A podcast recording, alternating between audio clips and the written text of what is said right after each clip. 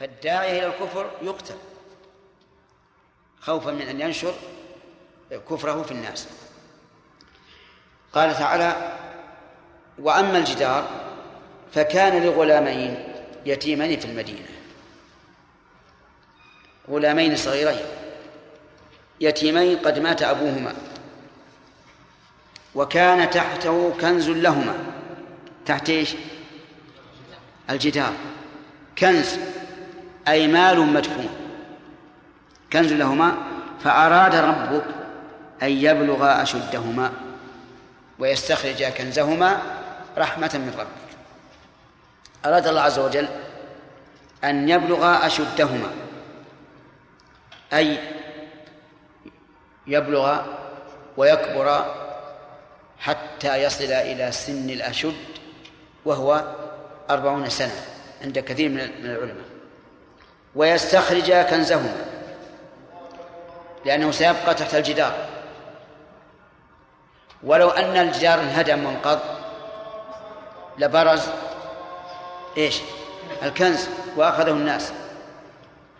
الله الله أكبر الله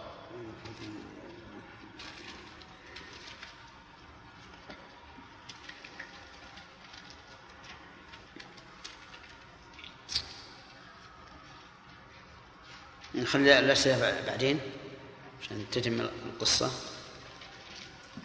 قال وكان وكان تحته كنز لهما وكان أبوهما صالحا. فكان من شكر الله عز وجل. لهذا الأب الصالح أن يكون رؤوفا بأبنائه. وهذا من من بركة الصلاح في الآباء أن يحفظ الله الأبناء. وكان أبوهما صالحا فأراد ربك أن يبلغا أشدهما وهنا ما قال فأردنا ولا قال فأردت. قال أراد ربك لأن بقاء الغلامين حتى يبلغ الأشد. ليس للخضر ولا لموسى فيه أي شيء. لكن الخشية خشية أن أن يرهقهما طغيانا وكفرا. تكون من موسى ومن ومن الخضر. وإرادة عيب السفينة تكون من الخضر وفعلا عابها لكن مسألة نشأة الغلامين على طاعة الله عز وجل. حتى يكبرا ويستخرج كنزهما لا ليس لموسى ولا للخضر فيها أي يعني أي, أي يد. فأراد ربك أن يبلغ أشدهما ويستخرج كنزهما منين؟ من تحت الجدار. رحمة من ربك. يعني هذه مفعول لأجله. العامل فيه أراد. يعني أراد الله ذلك رحمة منه جل وعلا. وما فعلته عن أمري. يعني ما فعلت هذا الشيء عن ذكاء مني أو عقل مني. ولكنه بإلهام من الله عز وجل وتوفيق لأن هذا شيء فوق ما يدركه العقل البشري. ذلك تأويل ما لم تسطع عليه صبرا. تأويله يعني تفسيره لأنه في الأول قال سأنبئك بتأويل ثم ختم ذلك بقوله ذلك تأويل أي تفسير. ويحتمل أن يكون المراد بالتأويل هنا في الثانية العاقبة. يعني ذلك عاقبة ما لم تستطع عليه صبرا لأن التأويل يراد به العاقبة ويراد به التفسير. وقول ما لم تستطع وفي الأول قال سأنبئك بتأويل ما لم تستطع عليه صبرا الإتيان باللغتين. يعني أن استطاع واستطاع ويستطيع ويستطيع كل منها لغة صحيحة عربية. ذلك تأويل ما لم تستطع عليه صبرا آه، في هذه القصة من العبر شيء كثير. آه، لو أردت أن يقوم كل يعني كل واحد بذكر فوائد من من تصويرها أو مشهدها هل لكم طاقة بذلك؟ نعم يعني مثلا واحد يأخذ القصة من حين خرج موسى عليه الصلاة والسلام إلى أن أوى إلى الصخرة وفارقها ثم من ركوبه مع مع الخضر السفينة وما جرى من الخضر على السفينة وما كان وبيان السبب في ذلك ثم الغلام ثم الجدار. يعني أربعة. كل واحد ياخذ موضوع. طيب. الاسم؟ عبد الله؟ عبد الله بن علي. موسى عليه الصلاة والسلام كان لا لا مو بالآن. اكتبها لنا. اي اكتبها لنا. طيب من؟ أحمد. طيب. الأخ؟ علي. علي بابطين. طيب. بقى الرابع. نعم. من؟ إيه محمد نهار. طيب الأول وش تأخذ؟ منين إلى أين؟ بداية القصة. بداية القصة. ها؟ أي نعم. زين. اللي بعدها بقى خامس. ها. اللي بعده الجدار وقصته من عاد يقيدهن لأن ما ندري أخاف ننسى. ها؟ أنت قيدت الآن؟ الحمد لله. طيب.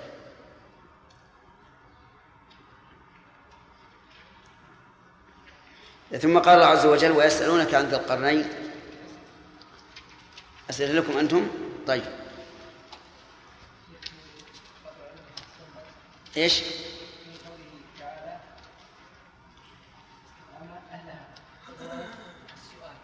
ها؟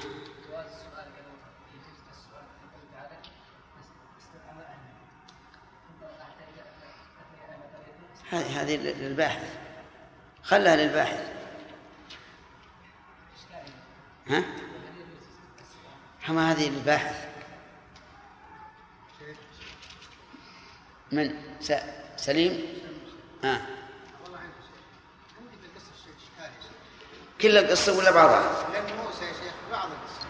لأن موسى أعلم من الخضر وأفضل من الخضر وكريم الله سبحانه وتعالى ومن أولى العزم خمسة نعم. لكن القصة صارت لما نظرنا في القصة. ها؟ ولا القصة. اللي نظرنا في معنى القصة وأنها امتحان لموسى. وامتحان لموسى بما بما مسبق منه منه من من من كلامه. والخضر طلع الله على شيء. على قتل قتل الغلام خرق السكينه بمنزلة الغيب شيخ. لا هذا هين خرق السكينه قتل الغلام واجدار يا شيخ. يعني أقرب ما يكون لها مسألة الغيب والغيب ما من الله. هي هذا اطلعه الله عليه. اطلعه الله عليه. والله عز وجل قد يطلع بعض الأولياء على على الغيب. هي نعم. ولو كان أفضل منه. قد يغيب عن موسى شيء ويتضح لغيره. مثل الآن يوجد مثل الفضائل في الصحابة لبعض الصحابة فضل لم يحصل لأبي بكر ولا لعمر.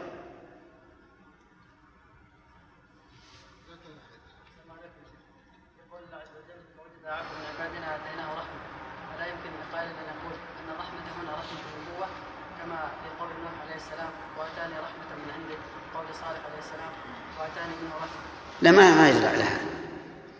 هذا لا, لا يدل على أنه نبي.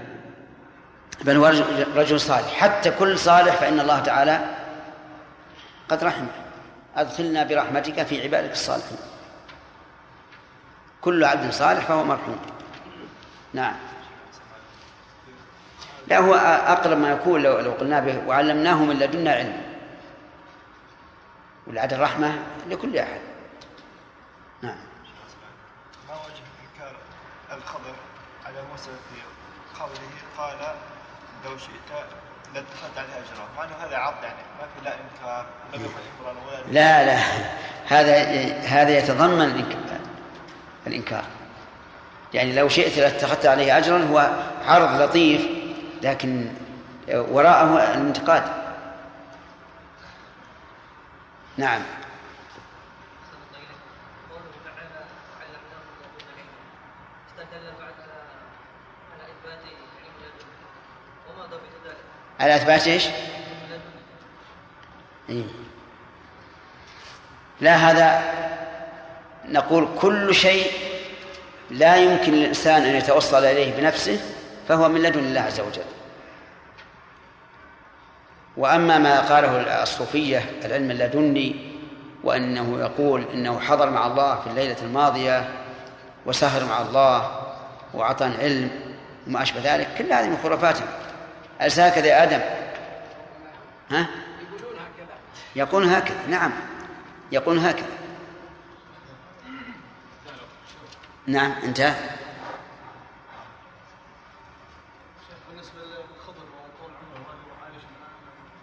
الوزير لا الخضر لا شك إنه مات في وقته. لا شك أنه مات في وقته. ولهذا لم يجي له لم يجري له ذكر. لا مع عيسى ولا مع غيره من من الأنبياء ولا مع محمد عليه الصلاة والسلام. لأنه لو كان حيا حياة الآدميين لوجب عليه أن يؤمن بمحمد عليه الصلاة والسلام وأن يأتي إليه و- و- ويشاركه في جهاده. وأيضا فقد قال النبي صلى الله عليه وسلم في آخر حياته إنه على رأس مئة سنة لا يبقى على وجه الأرض ممن هو عليها عليها اليوم أحد. لا هو مات في وقته. لا انتهى الوقت. قال الله تعالى ويسألونك عن ذي القرنين. يسألونك.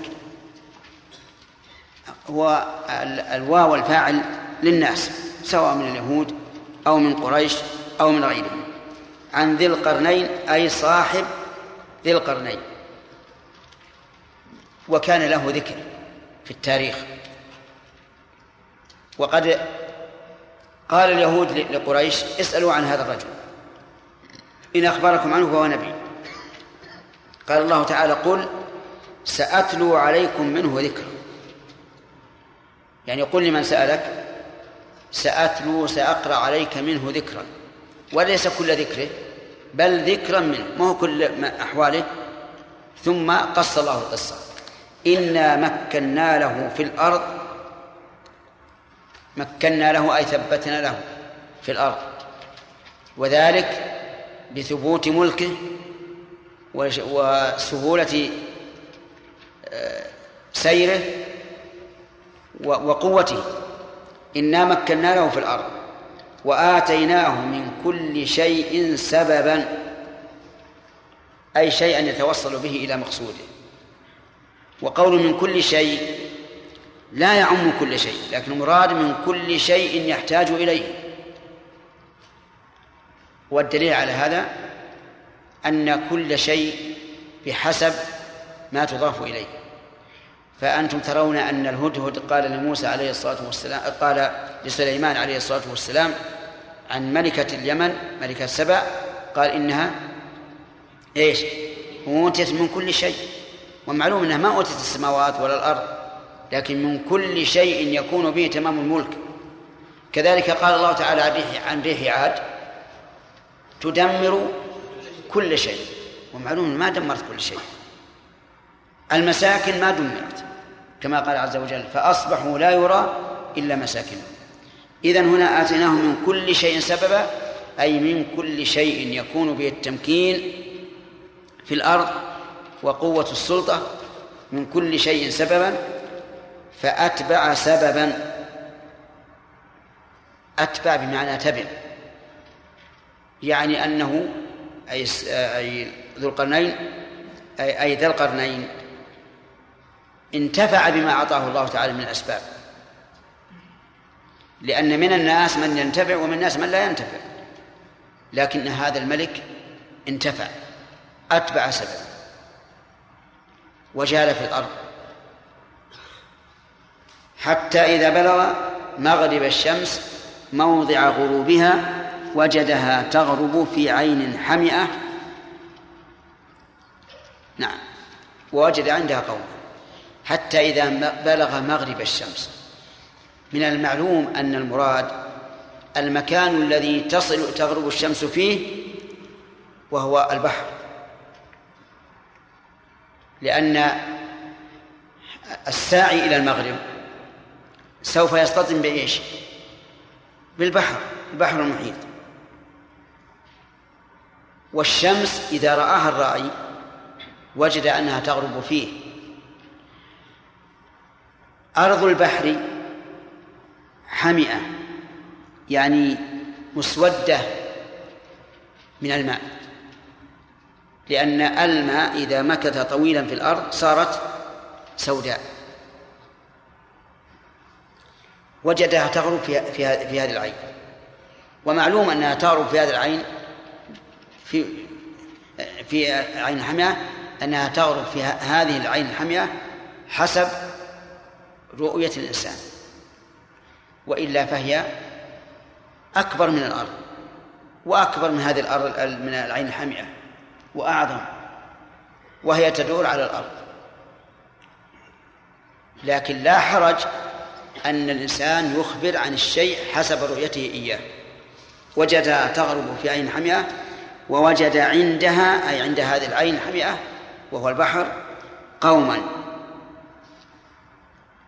قلنا يا ذا القرنين إما أن تعذب وإما أن تتخذ فيهم حسنا. يعني أن الله عز وجل خيره بين أن يعذبهم بالقتل أو غير القتل أو يحسن إليهم يتخذ فيهم حسنا. وذلك لأن الرجل ملك عادل ملك عاقل. ويدل لعقله ودينه أنه قال أما من ظلم فسوف نعذبه ثم يرد إلى ربه فيعذبه عذابا نكرا. وأما من آمن وعمل صالحا فله جزاء الحسنى وسنقول له من أمرنا يسرا حكم العدل. أما من ظلم وذلك بالشرك لأن الظلم يطلق على الشرك وعلى غيره لكن الظاهر والله أعلم أن المراد هنا بالشرك لقوله وأما من آمن وعمل صالحا. يقول أما من ظلم فسوف نعذبه. العذاب الذي يكون تعزيرا وعذاب التعزير يرجع إلى رأي الحاكم إما بالقتل أو بغيره. ثم يرد إلى ربه وهو الله عز وجل فيعذبه عذابا نكرا. لأن العقوبات لا تطهر الكافرين. المسلم تطهره العقوبات. الكافر لا يعذب في الدنيا وفي الآخرة نعوذ بالله من ذلك. وأما من طيب عذابا نكرا نكرا على المعذب أو نكرا ينكره المعذب. الثاني هو المتعين لأن عذاب الله ليس بنكر بل هو حق وعدل لكنه ينكره المعذب ويرى أنه شديد.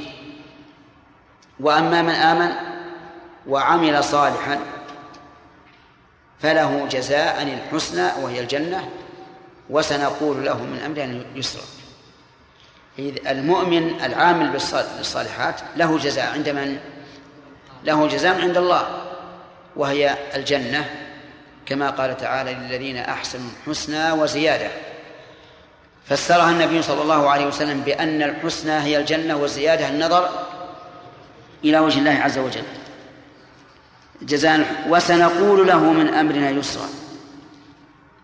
هذا المؤمن اللي يعمل الصالح سيقول له من شأنه أو من أمره اللفظي يسرا أي ما فيه اليسر له.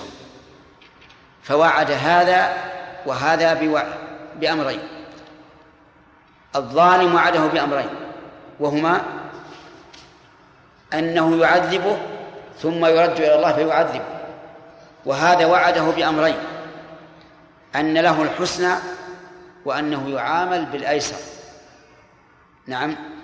لكن تأمل في حال المشرك بدأ بتعذيبه ثم ثنى بتعذيب الله. المؤمن بدأ بثواب الله أولا ثم معاملته باليسر ثانيا. والفرق ظاهر لأن مقصود المؤمن والعامل الصالحات ما هو؟ الوصول إلى الجنة. والوصول إلى الجنة لا شك أنه أفضل وأشرف من أن يقال له قول يسر. وهذا من يدل على أن هذا الملك فصيح بليغ ينزل القضايا منازلها. ثم أتبع سببا حتى إذا بلغ مطلع الشمس. سبحان الله. اتجه أول المغرب. وصل إلى نهاية الأرض اليابسة. مما يمكنه أن يصل إليه ثم عاد إلى المشرق. وهكذا في الغالب أن الملك يكون من المشرق إلى المغرب أو المغرب إلى المشرق. والشمال والجنوب لا أضعف. ولهذا قال النبي عليه الصلاة والسلام إن الله زوالي الأرض فرأيت مشارقها ومغاربها دون شمالها وجنوب وجنوبها. لأن الشمال والجنوب كما يعلم كثير من الناس ليس محلا للسكنى أقصاه من الشمال وأقصاه من الجنوب كله ثلج. ما في سكان. السكان يتبعون الشمس. من المشرق إلى المغرب أو من المغرب إلى المشرق حتى إذا بلغ مطلع الشمس. أي موضع طلوعها. وجدها تطلع على قوم لم نجعل لهم من دونها سترا إلى آخره. وجدها تطلع على قوم ليس عندهم بناء ولا أشجار ظليلة. وبعض العلماء بالغ حتى قال وليس عليهم ثياب لأن الثياب فيها نوع من الستر. فالله أعلم. المهم أن الأرض أن الشمس تحرقه وليس لهم من دونها ستر. لا أشجار ظليلة ولا دور ولا قصور. قال الله تعالى كذلك يعني الأمر كما قلنا. يعني الأمر كذلك حق على حقيقته. وقد أحطنا بما لديه خبرا سبحان الله. يعني قد علمنا علم اليقين بما عنده من وسائل الملك وامتداده وغير ذلك. من كل ما لديه. والله أعلم. نعم. إيش؟ آه، حال. يعني فله الحسنى جزاء. حال كونها جزاء.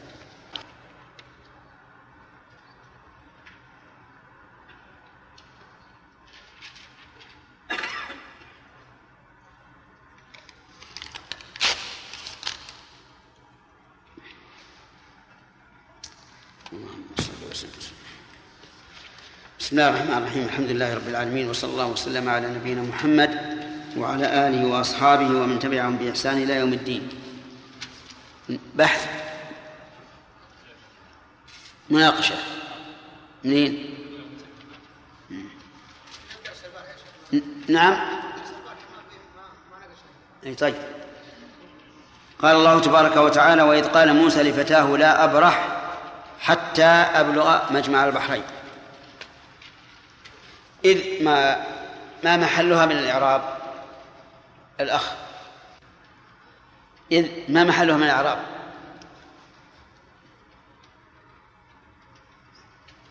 هل عندك علم بالنحو؟ أي. آه الأخ.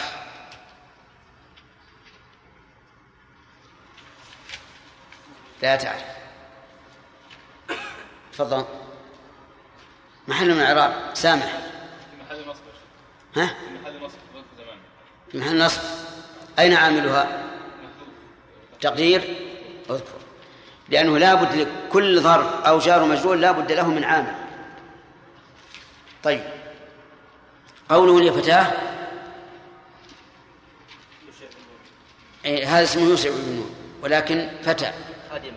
لخادمه. طيب. قول لا أبرح حتى أبلغ. أين خبر لا أبرح؟ وش التقدير؟ لا أبرح أسير. طيب. وما هو أين مكان مجمع البحرين؟ فيه أقوال لكن أقرب شيء؟ نعم. في هذا المكان القرن هذا فهذا أقرب شيء لأن موسى كان في مصر. ما الفرق بين قول الخضر لموسى؟ في الأول قال ألم أقل إنك؟ وفي الثاني قال ألم أقل لك إنك؟ نعم. في المرة الثانية شيء اللي وراء. تكرار تكرار أن موسى كرر أن يسأل. لكن ما الفرق بين العبارتين؟ ألم أقل إنك؟ الأولى فيها وألم أقل لك الأولى فيها تخفيف أن عاتبه ب- بخفة يعني لم أخف عتابا من الثانية. لأنه قال ألم أقل إنك يعني لك أو لغيرك إنك لا تستطيع. لكن إذا صرح ألم أقل لك يكون أشد وقعا في نفس موسى وأشد ألما في التوبيخ. كذا؟ ألم أقل لك. طيب. الآن لو قلت مثل لواحد ألم أقل إنك لم تفعل كذا؟ ما يكون عتاب مواجهة. قد يكون ألم أقل لغيرك مثلا. لكن ألم أقل لك أشد عتابا من الأولى.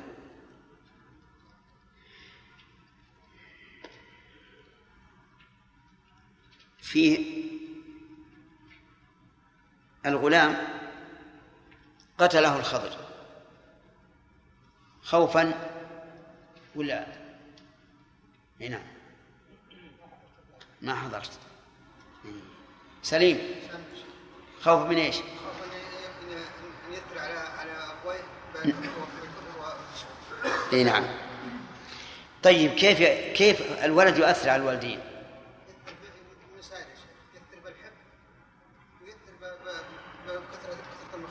نعم. يعني قد يكون قد تعلق به كثيرا وأحباه كثيرا ومثل هذا قد يؤثر عليهم.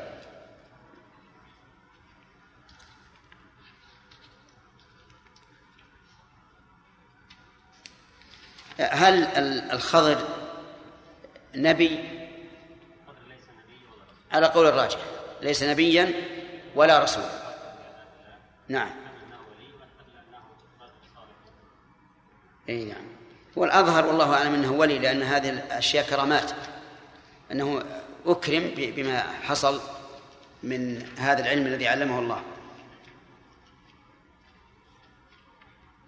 الآن نبدأ في ذي القرنين. اولا لماذا سمي ذا القرنين؟ ويسألونك عن ذي القرنين فنسأل لماذا سمي ذي القرنين؟ قيل معناه أي ذي الملك الواسع من المشرق إلى المغرب. فإن المشرق قرن والمغرب قرن كما قال النبي صلى الله عليه وسلم حيث يطلع قرن الشيطان. فيكون هذا كناية عن إيش؟ عن سعة ملكه. وقيل ذو القرنين لقوته لقوته ولذلك يعرف أن الفحل من من الضأن الذي له قرون يكون أشد وأقوى. وقيل ذو القرنين إنهما علامتان وضعهما على رأسه كالقرن كتا- كتاج الملوك. والحقيقة أن القرآن لم يبين لكن أقرب ما يكون للقرآن الكريم أن معناه المالك للمشرق والمغرب. وهو مناسب تماما حيث قال النبي صلى الله عليه وسلم آه، في الشمس إنها ت- تطلع بين قرني شيطان شيطان. قل سأتلو عليكم منه ذكرى وأخذنا اظن إلى قوله؟ نعم. ثم أتبع سببا. يعني سار واتخذ سببا يصل به إلى مراده حتى إذا بلغ بين السدين. السدين هما جبلان عظيمان يحولان بين آه، الجهة الشرقية من شرق آسيا والجهة الغربية وهما جبلان عظيمان لكن بينهما منفذ. ينفذ منه الناس. بلغ بينهما بين السدين وجد من وجد من دونهما قوما لا يكادون يفقهون قولا. من دونهما يعني لا بينهما ولا وراءهما من دونهما. وقد قيل إنهم الأتراك تركيا. قوما لا يكادون يفقهون قولا. قالوا يا ذا القرنين فيها قراءة لا يكادون يفقهون قولا ولا يكادون يفقهون قولا والفرق بينهما ظاهر. لا يفقهون يعني هم لا يفقهون غيرهم. يعني هم لا يعرفون لغة الناس والناس لا يعرفون لغتهم. وهذا فائدة القراءتين لأن القراءتين كلتاهما صحيح. وكل واحدة تحمل معنى غير المعنى غير معنى القراءة الأخرى لكن بازدواجهما نعرف أن هؤلاء القوم لا يعرفون لغة الناس والناس لا يعرفون لغتهم. لا يكادون يفقهون قولا. قالوا يا ذا القرنين. وحينئذ يقع إشكال. كيف يقول لا يكادون يفقهون قولا ثم ينقل عنهم أنهم خاطبوا ذا القرنين بخطاب واضح فصيح.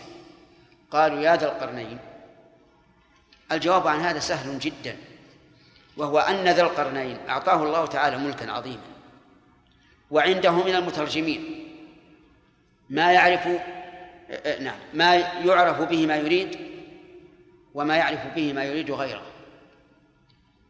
على أنه قد يكون الله عز وجل قد ألهمه لغة الناس الذين استولى عليهم كلهم. المهم أنهم خاطبوا ذا القرنين بخطاب واضح. قالوا يا ذا القرنين نادوه, نادوه بلقبه تعظيما له. إن يأجوج ومأجوج مفسدون في الأرض. فهل نجعل لك خرجا إلى آخره؟ إن يأجوج ومأجوج هاتان طائف قبيلتان. من بني آدم كما صح ذلك عن النبي صلى الله عليه وعلى آله وسلم. فإن النبي صلى الله عليه وسلم لما حدث الصحابة بأن الله عز وجل يأمر آدم يوم القيامة يقول يا آدم فيقول لبيك وسعديك فيقول أخرج من ذريتك بعثا إلى النار فيقول يا ربي وما بعث النار؟ قال من كل ألف تسعمائة وتسعة وتسعين. عظم ذلك على الصحابة. وقالوا يا رسول الله أينا ذلك الواحد؟ فقال أبشروا فإنكم في أمتين ما كانتا في شيء إلا كثرتا يأجوج ومأجوج. وبهذا نعرف خطأ من قال إنهما ليس على شكل الآدميين. نعم من قال إنهم ليسوا على شكل الآدميين. وأن بعضهم في غاية ما يكون من القصر وبعضهم في غاية ما يكون من الطول وأن بعضهم له أذن يفترشها وأذن يلتحف بها وما أشبه ذلك. كل هذا من خرافات بني إسرائيل. ولا يجوز أن يصدق. بل يقال إنهم من بني آدم لكن قد يختلفون كما يختلف الناس في البيئات. الآن تجد مثل أهل خط الاستواء بيئتهم غير بيئة الشماليين. كل له بيئة. الشرقيين الآن يختلفون عن وسط الكرة الأرضية. هذا ربما يختلفون. أما أن يختلفوا اختلافا فاضحا كما يذكر فهذا ليس بصحيح. مفسدون في الأرض. وبماذا يفسدون؟ الإفساد في الأرض يعم كل ما كان غير صالح وغير إصلاح. غير إصلاح يفسدونها في القتل في النهب في الانحراف في الشرك في كل شيء. المهم أنهم يحتاجون إلى أحد يحميهم من هؤلاء. فهل نجعل لك خرجا على أن تجعل بيننا وبينهم سدا؟ يعني حاجزا يمنع من حضورهم إلينا.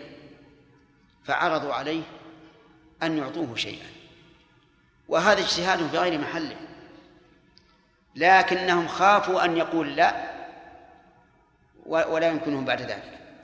وإلا هذا الاجتهاد كيف يقولون لهذا الملك الذي فتح مشارق الأرض ومغاربها؟ يقول هل نجعل لك خرجا؟ خرجا على أن تجعل بيننا وبينهم سدا؟ هذا لا يقال إلا لشخص لا يستطيع. لكنهم قالوا ذلك خوفا من أن يرد طلبهم يريدون أن يقيموا عليه الحجة بأنهم أرادوا أن يعطوه شيئا يحميهم به من هؤلاء. وقال في في الجواب ما مكني فيه ربي خير. ما مبتدأ. وخير خبر مبتدأ. يعني الذي مكني فيه ربي من الملك والمال والخدم وكل شيء خير من إيش؟ خير من هذا الخرج الذي تعرضونه علي وهذا كقول سليمان عليه الصلاة والسلام في الهدية هدية الملكة سبع قال إيش؟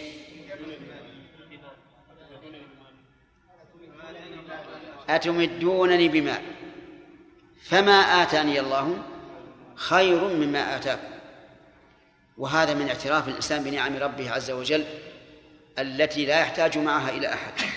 قال ما مكنني فيه ربي خير. فأعينوني بقوة بقوة بدنية لا بقوة مالية لأنه عنده من الأموال الشيء العظيم. أجعل بينكم وبينهم ردما. يعني أكبر مما سأل. هم سألوا سدا.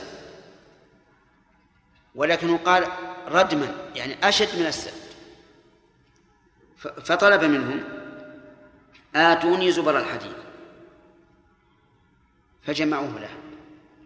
والزبر يعني القطع من الحديد. فجمعوا الحديد. وجعلوه يساوي الجبال. وهذا يدل على القوة العظيمة في ذلك الوقت. يعني أرتال من الحديد تجمع حتى تساوي الجبال الشاهقة العظيمة. حتى إذا ساوى بين الصدفين يعني جانبي الجبلين قال انفخوا. يعني انفخوا على هذا الحديد. وليس المراد بأفواهكم يعني هذا لا يمكن. ولكن انفخوا بالآلات والمعدات التي عنده لأن الله أعطاه ملكا عظيما. فنفخوا حتى إذا جاء حتى إذا جعله نارا قال آتوني أفرغ عليه قطرا والحديد معروف أنه إذا أوقد عليه في النار يكون يكون نارا. تكون القطعة كأنها جمرة بل هي أشد من الجمرة. ثم طلب أن يأتوا قطرا يفرغه عليه.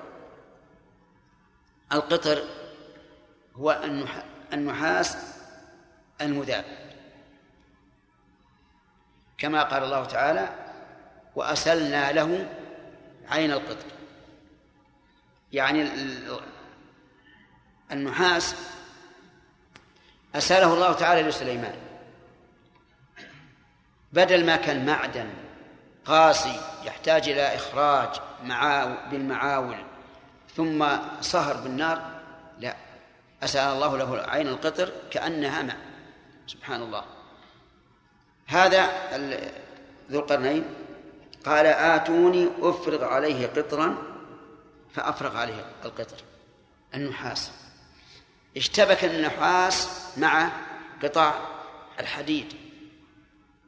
فكان قويا. كان قويا. يقول فما استطاعوا أن يظهروه وما استطاعوا له نقبا ما استطاعوا وما استطاعوا معناهما واحد. وسبق في قصة موسى مع الخضر ما لم تستطع وما لم تستطع. فما استطاعوا أن يظهروه يعني أن يصعدوا عليه. لماذا؟ لأنه عالي ولأن الظاهر أنه أملس. فهم لا يستطيعون أن أن يصعدوا عليه وما استطاعوا له نقبا. وهنا لا لم تأتي التاء في الفعل الأول وأتت به ثانيا. وزيادة الحرف زيادة المبنى تدل على زيادة المعنى. أيهما أشق أن يصعدوا الجبل أو أن ينقبوا هذا الحديد؟ الثاني أصعب. ولهذا قال ما استطاعوا. ما استطاعوا له نقبا لأنه حديد ممسوك بالنحاس. فصاروا لا يستطيع لا, لا يستطيعون ظهوره لعلوه وملاسته فيما يظهر. ولم يستطيعوا له نقبا لصلابته وقوته. إذا صار سدا منيعا. وكفى الله شر هؤلاء المفسدين وهم يأجوج ومأجوج. قال هذا رحمة من ربي. يقوله من؟ يقول ذو القرنين. وانظر إلى عباد الله الصالحين. كيف لا يسندون ما يعملونه لأنفسهم ولكنهم يسندونه إلى إلى الله عز وجل وإلى فضله. ولهذا لما قالت النملة حين أقبل سليمان بجنوده على وادي النمل قالت نملة قامت خطيبة فصيحة. يا أيها النمل ادخلوا مساكنكم. لا يحتمنكم سليمان وجنوده وهم لا يشعرون. فتبسم ضاحكا من قولها وقال هذا من فضل ربي. هذا أيضا ذو القرنين رحمه الله قال هذا رحمة من ربي وليس بحولي ولا قوتي ولكنه رحمة به ورحمة بالذين طلبوا منه السد أن أن حصل هذا الردم المنيع. فإذا جاء وعد ربي جعله دكاء إذا جاء وعد ربي يعني بخروج هؤلاء المفسدين. جعله دكا أي جعل هذا السد دكا أي منهدما تماما. وسواه بالأرض. وقد صح عن النبي صلى الله عليه وسلم أنه قال ويل للعرب من شر قد اقترب. فتح اليوم من يأجوج ومأجوج مثل هذه وأشار بالسبابة والوسطى. يعني شيء يسير. لكن من ما ظهر فيه الشق لا بد أن يتوسع. يقول فإذا جاء وعد ربي جعله دكاء وكان وعد ربي حقا. فما هذا الوعد؟ الوعد أن الله سبحانه وتعالى يخرجهم في آخر الزمان. وذلك بعد خروج الدجال وقتله يخرج الله هؤلاء. يخرجهم في عالم كثير مثل الجراد أو أكثر. حتى إنهم يمرون ببحيرة طبرية ويشربون ماء فيمر آخرهم ويقول قد كان في هذه ما نعم يوما ما من كثرتهم. ثم يحصر عيسى عليه الصلاة والسلام ومن معه من المؤمنين في جبل الطور. ويلحقهم مشقة. ويرغبون إلى الله تعالى في هلاك هؤلاء. فيرسل الله عليهم النغف في رقابهم. حتى يموتوا ميتة رجل واحد. يصبحون في ليلة واحدة على كثرتهم ميتين. ميتة رجل واحد حتى تنتن الأرض من من رائحتهم فيبعث فيبعث فيرسل الله أمطارا تحملهم إلى البحر. أو يرسل طيورا تحملهم إلى البحر. والله على كل شيء قدير. هذه الأشياء نؤمن بها كما أخبر بها النبي صلى الله عليه وسلم. أما كيف تصل الحال إلى ذلك؟ فهذا أمره إلى الله عز وجل. وكان وعد ربي حقا. يعني وعد الله تعالى بخروجهم حقا كان حقا. لا بد أن يقع. كل ما وعد الله بشيء فلا بد أن يقع. لأن عدم الوفاء بالوعد إما أن يكون عن عجز وإما أن يكون عن كذب. والله عز وجل منزه عن إيش؟ عنهما جميعا عن العجز وعن الكذب. فهو عز وجل لا يخلف الميعاد لكمال قدرته وكمال صدقه. وكان وعد ربي حقا. وتركنا بعضهم يومئذ يموج في بعض. تركنا بعضهم يومئذ المفسرون الذين رأيت كلامهم يقولون يومئذ يعني إذا خرجوا. صار يموج بعضهم في بعض. ثم اختلفوا في معنى يموج بعضهم في بعض. هل معنى أنهم يموجون مع الناس أو يموج بعضهم في بعض يتدافعون عند الخروج من السد؟ وإذا كان أحد من العلماء يقول وتركنا بعضهم يومئذ يموج في بعض يعني بعد السد صاروا هم بأنفسهم يموج بعضهم في بعض. إن كان أحد يقول بهذا فهو أقرب إلى إلى إلى سياق الآية. لكن الذي رأيته أنهم يموج بعضهم في بعض يعني إذا خرجوا. وتركنا بعضهم يومئذ يعني يومئذ أي يومئذ يريد الله عز وجل خروجهم يموج في بعض ونفخ في الصور فجمعناهم جمعا. نفخ في الصور. النافخ جبريل آه النافخ إسرافيل. أحد الملائكة الكرام. وكان النبي صلى الله عليه وعلى آله وسلم يفتتح صلاة الليل بهذا الاستفتاح. اللهم رب جبرائيل وميكائيل وإسرافيل فاطر السماوات والأرض عالم الغيب والشهادة أنت تحكم بين عبادك فيما كانوا فيه يختلفون. اهدني لما اختلف فيه من الحق بإذنك إنك تهدي من تشاء إلى صراط مستقيم.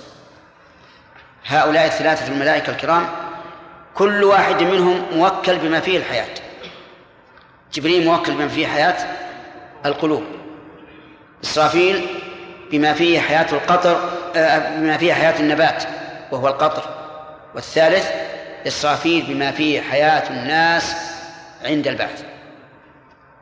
ينفخ في الصور نفختين. الأولى فزع وصاق ولا يعني لا يمكن الآن أن ندرك عظمة هذا النفخ. نفخ تفزع الخلائق منه. والثاني نعم وتصعق بعد ذلك. كلهم يموتون إلا من شاء الله. لشدة هذا هذا النفخ وشدة وقعه الآن لو أن أحدا ضرب بمدفع خارج المسجد إيش يقول؟ نعم تفزعون ولا ما تفزعون؟ تفزعون في مسجد جمعة قبل سنوات انفصل الكهرب في مسجد الجامع والناس في ينتظرون الصلاة وصار له صوت عظيم ذكروا لنا أن المسجد كله فزع وخرج. نعم. هذا نفخ الصور أشد وأشد. ما يمكن أن نتصوره. لأن الأم الناس يفزعون. بل فزع من في السماوات ومن في الأرض. ثم يصعقون الله أكبر. شيء عظيم. كل ما تصور الإنسان يقشعر جلده من عظمته وهوله فنفخ في الصور. النفخة الثانية يقول الله عز وجل ثم نفخ فيه أخرى فإذا هم قيام ينظرون. لا إله إلا الله. النفخة الثانية يقوم الناس من قبورهم أحياء ينظرون ماذا حدث لأن الأجسام في القبور ينزل الله عليها مطرا عظيما ثم تنمو في في داخل الأرض. حتى إذا تكامل تكاملت الأجسام نفخ في الصور نفخة البعث فقاموا ينظرون. فإذا هم قيام ينظرون. ونفخ في الصور فجمعناهم جمعا. جمعناهم من؟ الخلائق. جمعا أي جمعا عظيما. لأن هذا الجمع يشمل الإنس والجن والملائكة. والوحوش وجميع الدواب وجميع الدواب قال الله تبارك وتعالى وما من دابة في الأرض ولا طائر يطير بجناحيه إلا أمم أمثالكم ما فرطنا في الكتاب من شيء ثم إلى ربهم يحشرون. كل الخلائق حتى الملائكة ملائكة السماء كما قال الله سبحانه وتعالى وجاء ربك والملك صفا صفا. يا له من مشهد عظيم. الله أكبر. يقول وجمع فجمعناهم جمعا وعرضنا وعرضنا جهنم يومئذ للكافرين عرضا. اللهم أجرنا منها. عرضناها لهم تكون أمامهم. عرضا يعني عرضا عظيما ولذلك نكر. يعني عرضا عظيما تتساقط منه القلوب. وإخبار الله عز وجل بذلك.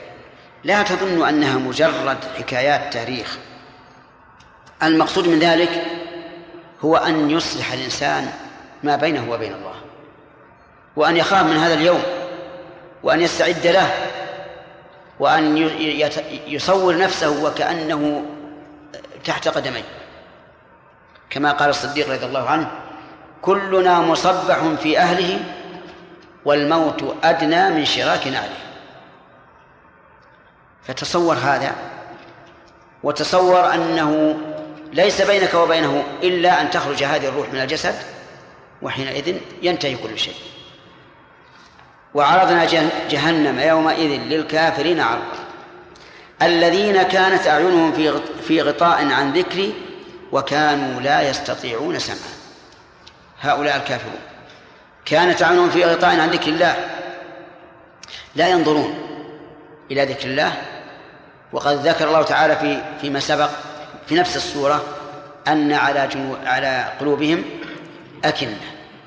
فالآن القلوب والأبصار والأسماع كلها مغلقة. وكانوا وكانوا لا يستطيعون سمعا. لا يستطيعون سمعا. هل المراد لا يريدون؟ كقوله تعالى هل يستطيع ربك أن ينزل علينا مائدة من السماء؟ أي هل يريد؟ أو المعنى أنهم لا يستطيعون سمعا سمع الإجابة وليس سمع الإدراك. يحتمل هذا وهذا. يحتمل المعنيين جميعا وكلاهما حق. وكانوا لا يستطيعون سمعا أفحسب الذين كفروا أن يتخذوا عبادي من دوني أولياء؟ يعني أفظن الذين كفروا أن يتخذوا عبادي من دوني أولياء. من عباده؟ عباده كل شيء فهو عبد لله. إن كل من في السماوات والأرض إلا آتي الرحمن عبدا من الذي اتخذ وليا من دون الله؟ يعني عبد من دون الله. عبدت الملائكة. عبدت الرسل. عبدت الشمس. عبد القمر. عبدت الأشجار. عبدت الأحجار. عبدت البقر. نسأل الله العافية. الشيطان يأتي ابن آدم من كل طريق. أن يتخذوا عبادي من دوني أولياء. يعني أربابا. يدعونهم ويستغيثون بهم وينسون ولاية الله عز وجل. يعني أيظن هؤلاء الذين فعلوا ذلك؟ أيظن أنهم ينصرون؟ الجواب لا لا ينصرون. ومن ظن ذلك فهو مخبل في عقله. قال الله تعالى إنا أعتدنا للك جهنم للكافرين نزلا.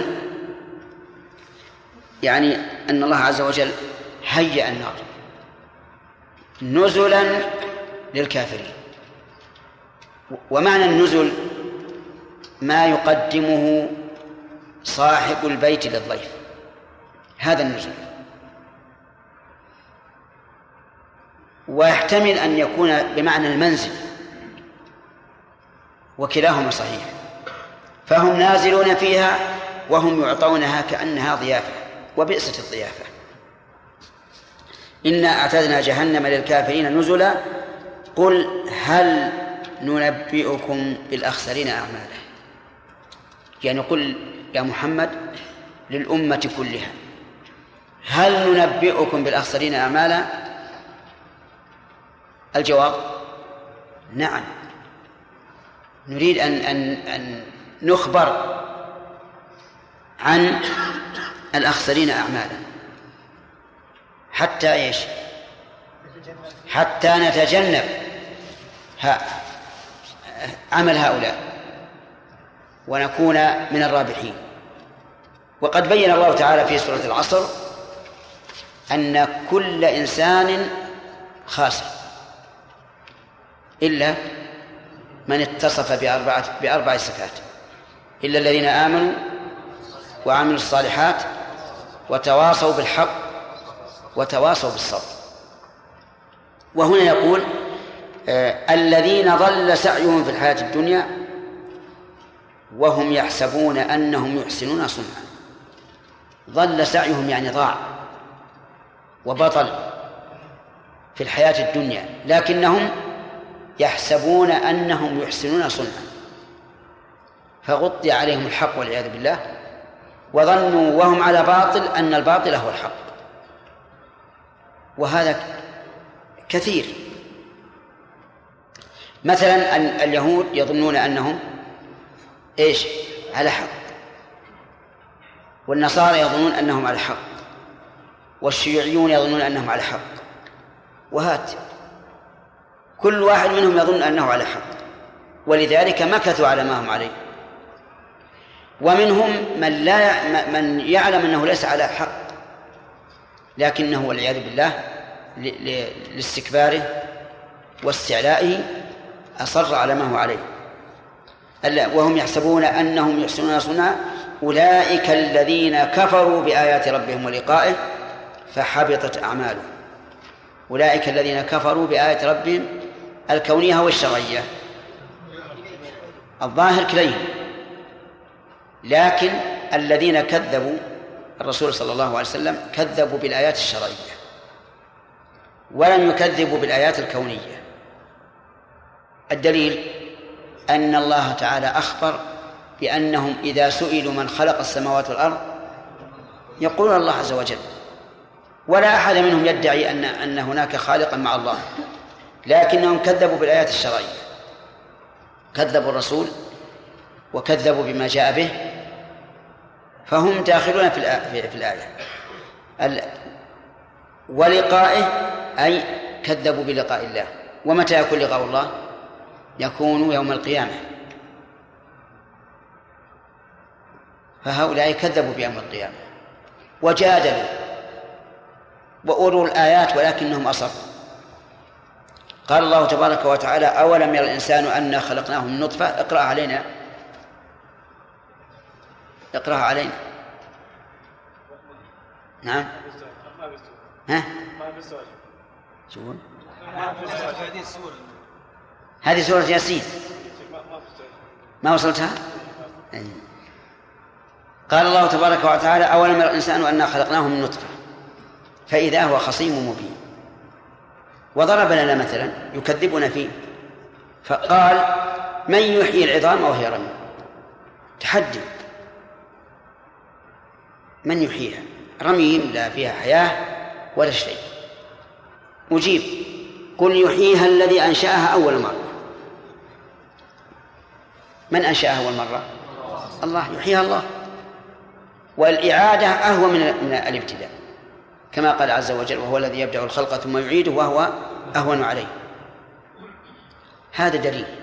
إذن الدليل على إمكان البعث وإحياء العظام وهي رميم أن الله تعالى ابتدأها.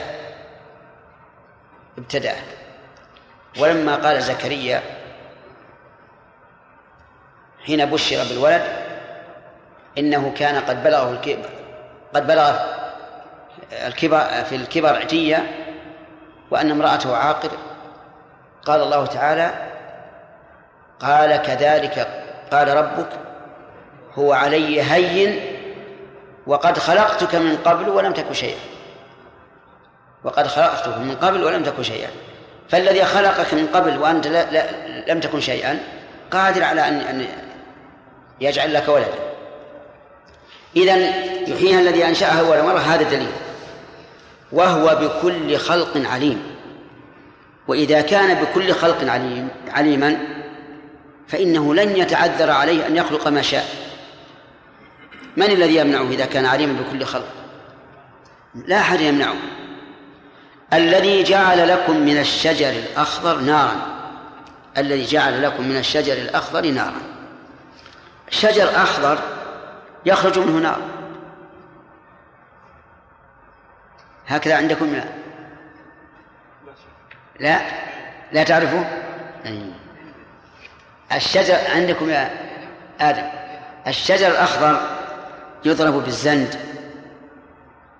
ثم ينقدح نارا. وكان العرب يعرفون هذا. فالذي يخرج هذه النار وهي حارة يابسة من غصن رطب بارد. يعني متضادة غاية التضاد. قادر على أن يخلق الإنسان أو أن يعيد خلق هذه العظام وهي رميم كم هذا من دليل؟ الذي أنشأ أول مرة وهو بكل خلق عليم. الذي جعل لكم من الشجر الأخضر نارا ثم حقق هذه النار بقوله فإذا أنتم منه توقدون. الدليل الرابع أوليس الذي خلق السماوات والأرض بقادر على أن يخلق مثلهم؟ الجواب بلى. قال الله تعالى لخلق السماوات والأرض أكبر من خلق الناس. فالذي خلق السماوات والأرض بكبرها وعظمها قادر على أن يعيد جزءا من من لا شيء بالنسبة للأرض. من أنت بالنسبة يا يا بني يا ابن آدم بالنسبة للأرض؟ لا شيء. أنت خلقت منها. أنت بعض منها. بعض يسير منها. فالذي قادر على خلق السماوات والأرض قادر على أن يخلق مثله. بلى. قال الله تعالى مجيبا نفسه بلى. وهو الخلاق العليم. هذا دليل خامس. الخلاق صيغة مبالغة وإن شئت فاجعلها نسبة. يعني أنه موصوف بالخلق أزلا وأبدا. وهو تأكيد لقوله قبل وهو بكل خلق عليم وهو الخلاق العليم. الدليل السادس إنما أمره إذا أراد شيئا أن يقول له كن فيكون. لا يحتاج إلى عمال ولا بنائين ولا أحد. كن فيكون. ولهذا قال عز وجل إن كانت إلا صيحة واحدة فإذا هم جميع فإذا هم جميع لدينا محضرون. كلمة واحدة. إنما أمره إذا أراد شيئا أن يقول له كن فيكون. الدليل السابع. ها؟ فسبحان نعم. فسبحان الذي بيده ملكوت كل شيء. كل شيء فبيده ملكوته عز وجل. يتصرف كما يشاء. فنسأله عز وجل أن يهدينا صراطه المستقيم. وإليه ترجعون هذا الدليل الثامن. وإنما كان دليلا لأنه لولا رجوعنا إلى الله عز وجل لكان وجودنا عبثا. وهذا ينافي الحكمة. فتأمل سياق هذه الأدلة الثمانية في هذا القول الموجز. ومع ذلك ينكرون لقاء الله.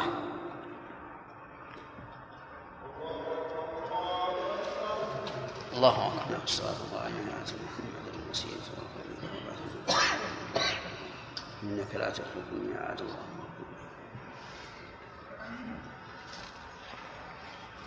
نناقش فيما سبق أو نكمل أول؟ نكمل أول. نعم طيب. قال الله عز وجل أولئك الذين كفروا بآية ربهم ولقائه فحبط وفي قوله بآيات ربهم إلزام لهم بالإيمان بالآيات. لأن كونه ربهم عز وجل يجب أن يطيعوه وأن يؤمنوا به. لكن من حقت عليه كلمة العذاب فإنه لا, لا يؤمن. فحبطت أعمالهم حبطت يعني بطلت ولم ينتفعوا بها. حتى لو أن الكافر أحسن وأصلح الطرق وبنى الربط وتصدق على الفقراء فإن ذلك لا ينفع. إن أراد الله أن يثيبه عجل له الثواب في الدنيا. أما في الآخرة فلا نصيب له نعوذ بالله. نسأل الله الحماية والعافية. لأن أعماله حبطت. ولكن هل يحبط العمل بمجرد الردة أم لا بد من شرط؟ لا بد من شرط. وهو أن يموت على ردته. قال الله تعالى ومن يرتد منكم عن دينه فيمت وهو كافر. فأولئك حبطت أعمالهم. أما لو ارتد ثم من الله عليه بالرجوع إلى الإسلام فإنه يعود عليه عمله الصالح السابق للردة. فلا نقيم لهم يوم القيامة وزنا يعني أنه لا قدر لهم عندنا ولا ميزان. وهو كناية عن سقوط مرتبتهم عند الله عز وجل.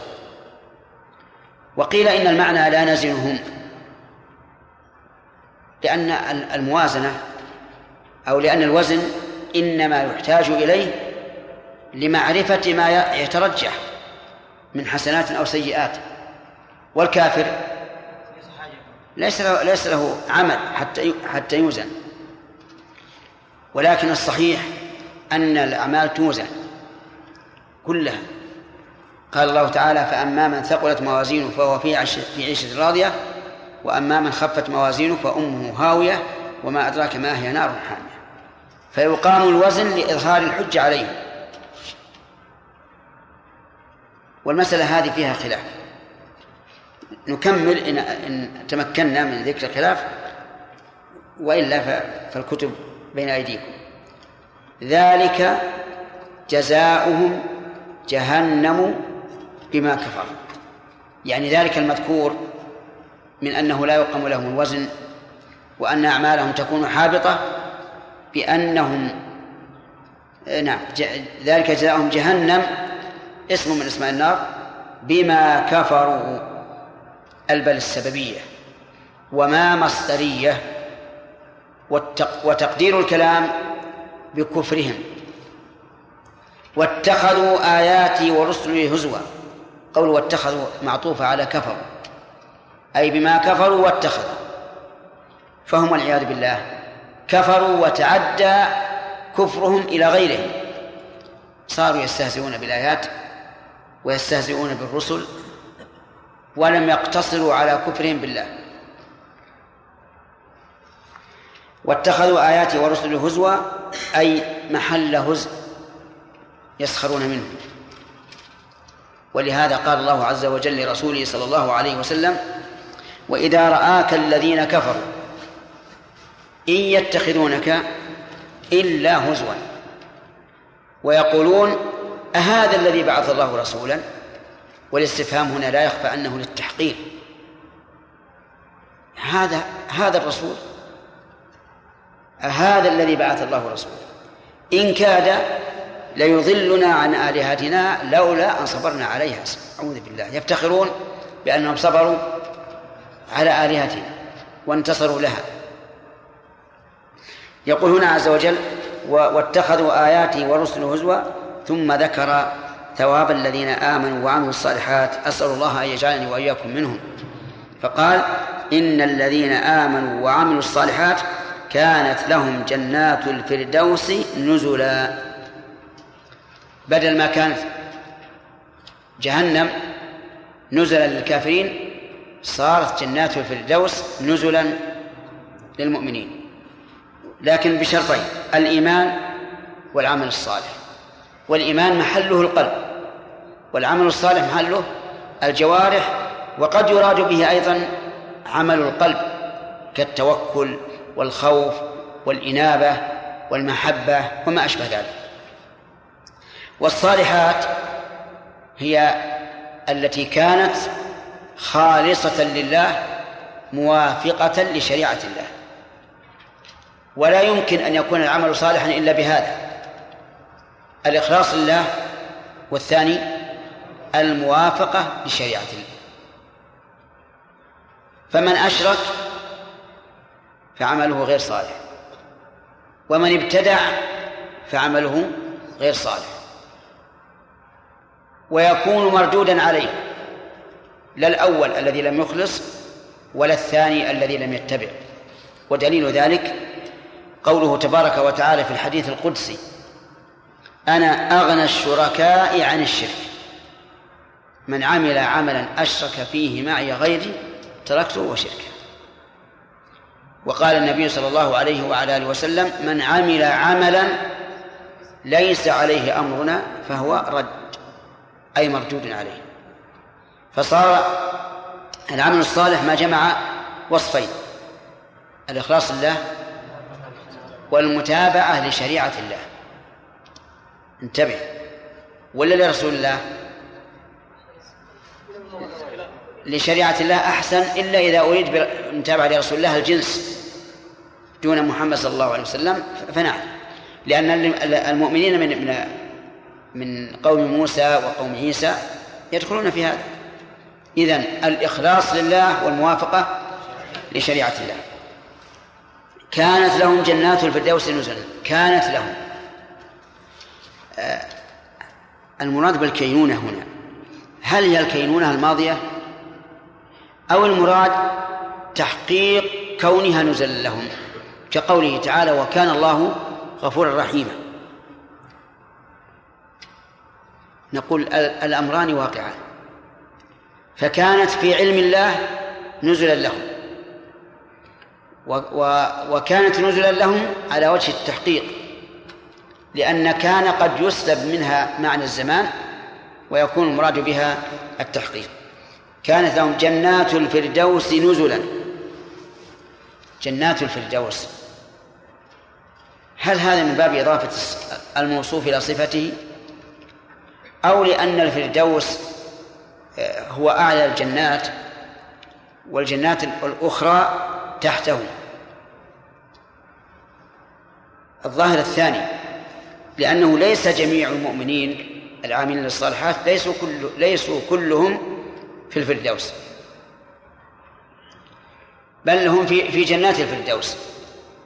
والفردوس آه، قال النبي صلى الله عليه وسلم إنها أعلى الجنة ووسط الجنة. وفوقها عرش الله عز وجل.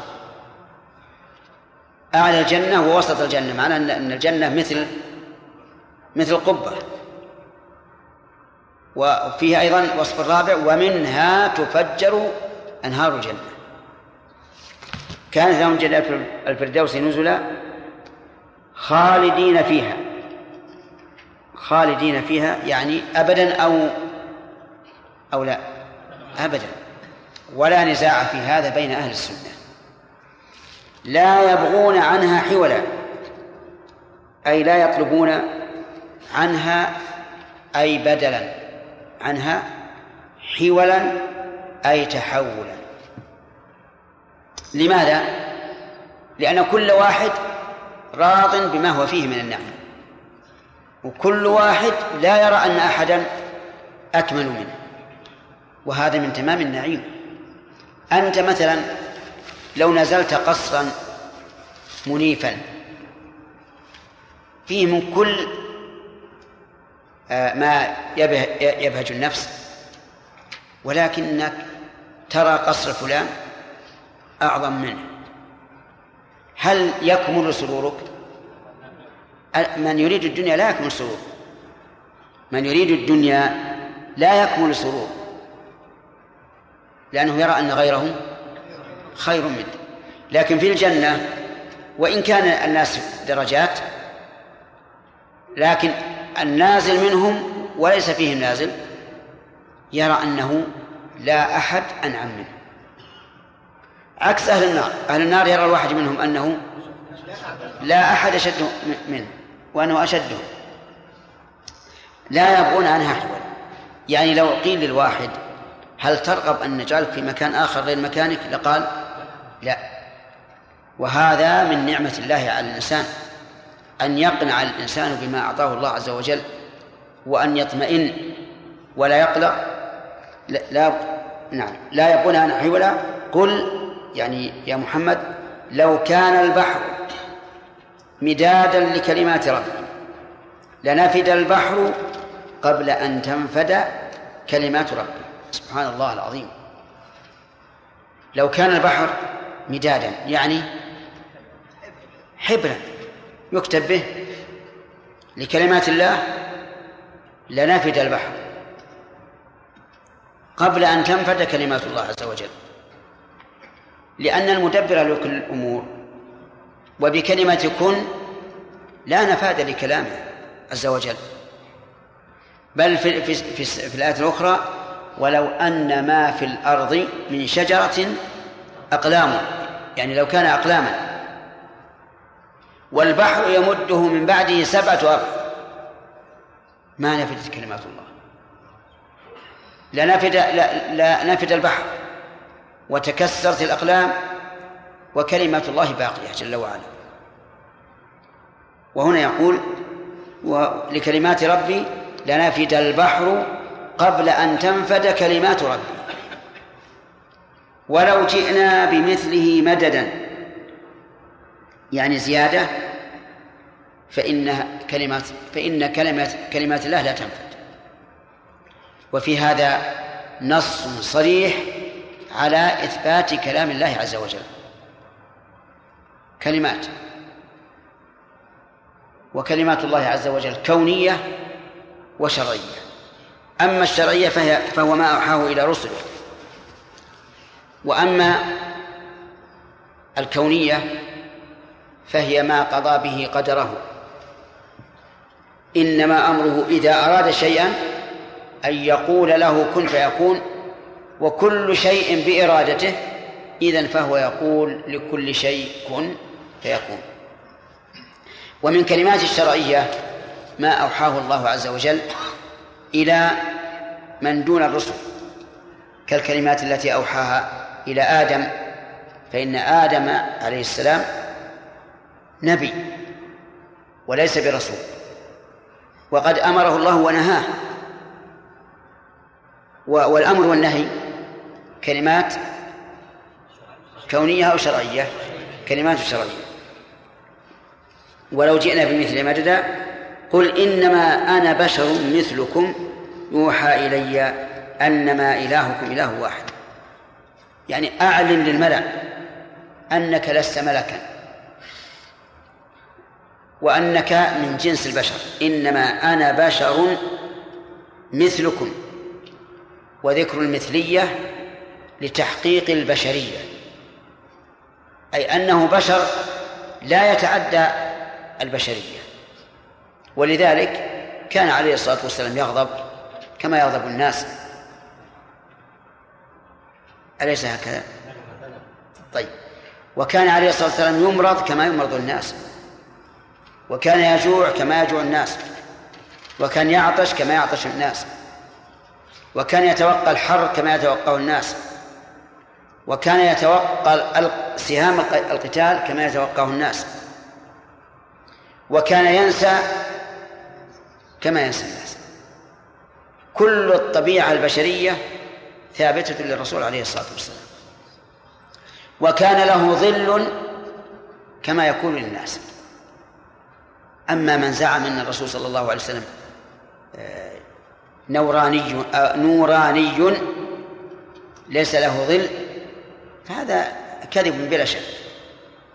فإن الرسول صلى الله عليه وسلم كغيره من البشر له ظل ويستظل أيضا هو نفسه يستظل. ولو كان الرسول عليه الصلاة والسلام ليس له ظل لنقل هذا نقلا متواترا. لأنه من آيات الله عز وجل. إذن الرسول عليه الصلاة والسلام بشر مثل الناس. هل يقدر الرسول عليه الصلاة والسلام أن يجلب للناس نفعا أو ضرا؟ لا. كما أمره الله عز وجل أن يقول قل إني لا أملك لكم ضرا ولا رشدا. ومن العجب أن أقواما لا يزالون موجودين. يتعلقون بالرسول صلى الله عليه وسلم أكثر مما يتعلقون بالله. أعوذ بالله. إذا ذكر الرسول اقشعر جلوده وإذا ذكر الله كأن لم يذكر. حتى إن بعضهم يوثر أن يحلف بالرسول دون أن يحلف بالله عز وجل. وحتى إن بعضهم يرى أن زيارة قبر الرسول عليه الصلاة والسلام أفضل من زيارة الكعبة. ولقد شاهدت أناسا حجزوا عن المدينة في أيام الحج لقرب وقت الحج لأنه إذا قرب وقت الحج منعوهم من الذهاب إلى المدينة لئلا يفوتهم الحج. يبكي. يقول أنا منعت من الأنوار ومنعت من كذا وكذا ويعدد ما نسيته الآن. طيب. أنت جاي ليش؟ قال جاي لمشاهدة الأنوار.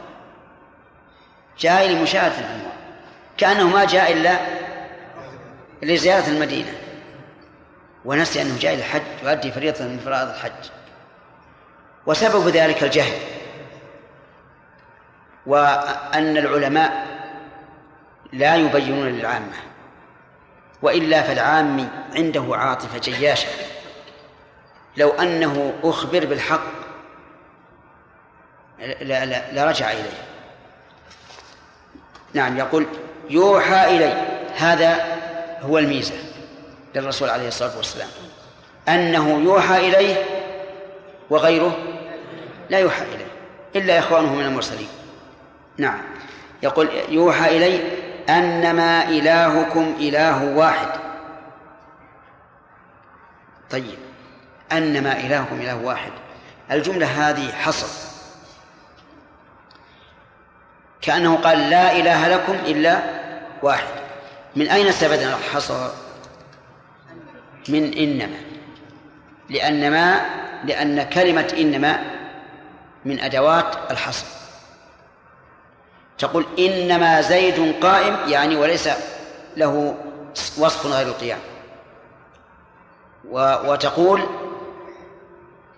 إنما العلم بالتعلم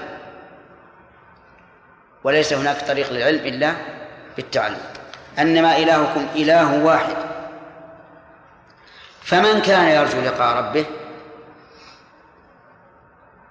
يعني يؤمل أن يلقى الله عز وجل ويؤمن بذلك فليعمل عملا صالحا. الله يعني دعوة يسيرة سهلة. أتريد أن أتريد أن أن تلقى ربك وقلبك مملوء بالرجاء؟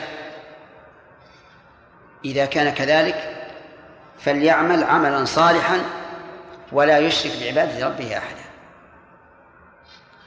كل كل إنسان عاقل يرجو لقاء الله عز وجل. ولقاء الله ليس ببعيد. قال الله تعالى من كان يرجو لقاء الله فإن أجر الله لآت وهو السميع العليم. قال بعض العلماء إن قوله فكل نعم إن قوله فإن أجر الله لآت بمعنى قولهم كل آت قريب. كل آت قريب. فمن كان يرجو لقاء ربه فليعمل عملا صالحا ولا يشرك بعبادة ربه أحدا إذا قال قائل ألستم قررتم أن العمل الصالح لا بد فيه من إخلاص ومتابعة؟ قلنا بلى. لكنه لما كان الإخلاص ذا أهمية عظيمة ذكره تخصيصا بعد دخوله ضمن قوله فليعمل عملا صالحا ولا يشرك بعبادة ربه أحدا وتأمل قوله بعبادة ربه ليتبين لك أنه جل وعلا حقيق بأن لا يشرك به لأنه الرب الخالق المالك المدبر لجميع الأمور. إننا نقول بقلوبنا وألسنتنا ربنا الله ونسأل الله تعالى الاستقامة حتى ندخل في قول الله تعالى إن الذين قالوا ربنا الله ثم استقاموا تتنزل عليهم الملائكة ألا تخافوا ولا تحزنوا وأبشروا بالجنة التي كنتم توعدون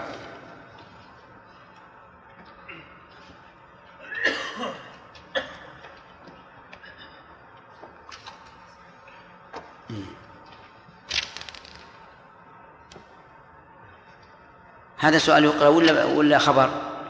لا سؤال لكن انه خاص يكون خاص طيب. على كل حال الحمد لله الذي وفقنا لإكمال هذه السورة والحقيقة أن لشيخنا عبد الرحمن بن سعدي رحمه الله في هذه السورة نفسها فوائد جمة عظيمة لا تجدها في كتاب آخر. ذكر فوائد عظيمة في قصة موسى والخضر. ينبغي لطالب العلم أن يراجعها لأنها مفيدة جدا جدا. وبقي علينا إن شاء الله الدورة التي يسأل الناس عنها ستكون إن شاء الله ابتداء من يوم السبت. وتكون ابتداؤها في الساعة الثامنة. وإن كانت الساعة الثامنة متأخرة لكن آه، هي متأخرة من أجل أن نعطي الإخوان الذين ليسوا من أهل البلد فرصة.